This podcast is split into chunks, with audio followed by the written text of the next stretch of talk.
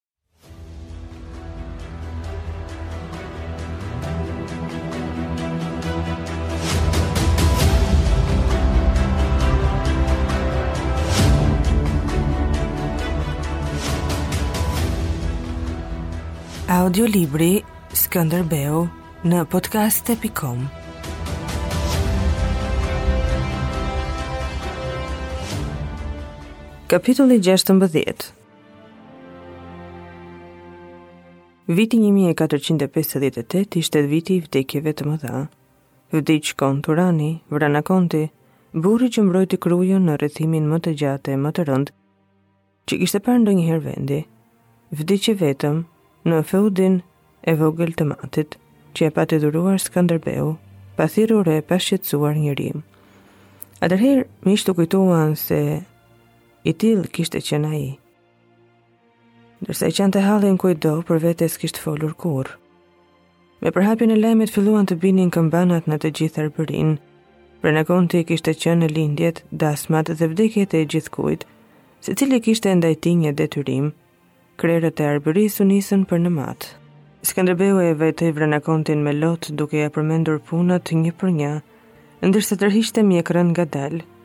Filloi të qante kur i zbriti kalit dhe mori vesh se natën e shkuar para se të vdiste, Vranakonti kishte nisur një kalorës të thërriste atë, Skënderbeun. Në dy javët e fundit nuk ishte ngritur nga shtrati, po nuk besonte se do të vdiste deri në çastin kur filloi të humbiste dritën e syve. dhe atëherë kishte kërkuar Skënderbeun. Të nesërmen kur të varrosej Vranakonti, arriti dhe Lekë Dukagjini. Një vit më parë u kishte marrë venecianëve Danjën me ndihmën e turkut. Erdhi për të larguar dyshimet e bashkëpunimit me turkun. Erdhën edhe krerët veç Aranitëve që duhej të ishin në udhëtim. Skënderbeu vijonte vajtimin. Kishte vdekur miku, këshilltari dhe kapiteni që nuk e shiti dhe nuk e bleu kurrë, dhe këtë Skënderbeu e tha me fjalë. Kur heshtte ai, nga kthina tjetër ngrihej vaji i Mamicës që rrinte mbi gjunjë, mbi kryet e të vdekurit, dhe thërriste Vranakontin fill pas të atit, tre vëllezërve dhe burrit që kishte humbur. Në darkën e përmortshme që u shtrua, Skënderbeu ngriti ploskën e verës dhe ia kaloi Lekës, që rrinte në krah. Dhe atëherë kujtuan se i vdekuri s'kishte njeri të afërt veç Skënderbeut, dhe ky duhej të priste ngushëllimet. Leka foli me urtësi dhe tha se vdiq një burrë i madh. Pal Engjëlli i Durrësit, që kishte mbajtur vetë meshën, tha se vdiq njeriu më i munduar, më i drejtë e më fisnik, që i kishte përgatitur prej kohësh vendin në parajsë. Secili princ e kapiten që merrte ploskën, thoshte të tijat dhe ngushëllonte Skënderbeun. Ndonjëri e mori ndër sy, e shikoi dhe më tej dhe përmendi se Vranakonti kishte thënë për dikë. Ai veç rri në hije gojhapur me shpresën se rreth e qark do të fluturojnë zogj të pjekur. Dhe për një tjetër paskësh thënë, mos kini gajle prej tij, ai është si ato grethëzat e bezdisura që nuk thumbojnë kurrë. Ndërsa për një burrë frikacak kish thënë, Asgjë nuk i mungon për të qenë një kalorës i madh veç kalit dhe trimërisë për të hipur. Prijesit qeshnin dhe secili shihte me mendjen e vet, sytë e gjallë e të errët të Vranës.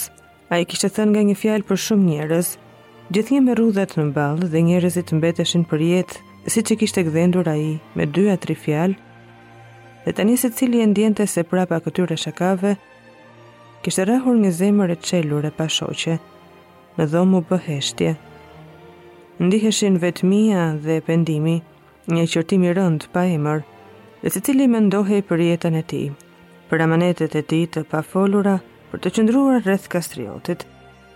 Dy javë më pas vdiq Papa Kalisti i tretë, që kishte shpallur si qëllim të jetës së tij kryqëzatën kundër turkut. Ishte përkrahës i madh i Skënderbeut. Sidomos pas Ujëbardhës, e shihte Skënderbeun si krahun e fortë të kryqëzatës dhe e kishte shpallur me dekret papnor më 23 dhjetor të vitit 1457, kapiten të përgjithshëm të selisë së shenjtë. Para vdekjes i kishte shkruar mbretit të Hungarisë se turku u rraskapit në Arbëri dhe ishte koha që krishtërimi të përfitonte për të çliruar Konstantinopojën dhe Jeruzalemin.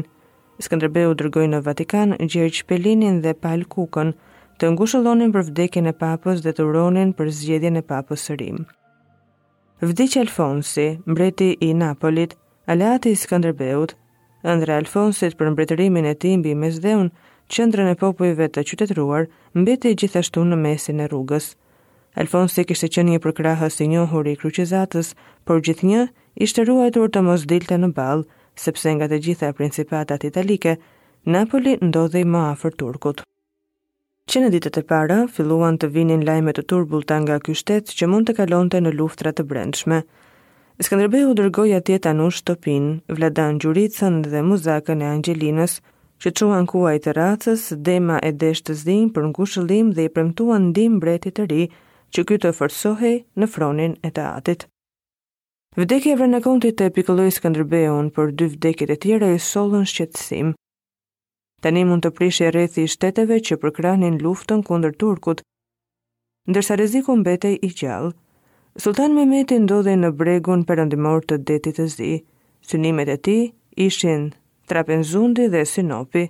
I mundonte këto vende dhe i mbante në ankth. Po forcat i kishte të lira dhe ishte në dorën e tij të jepte një goditje të befasishme në Azi ose në Europë.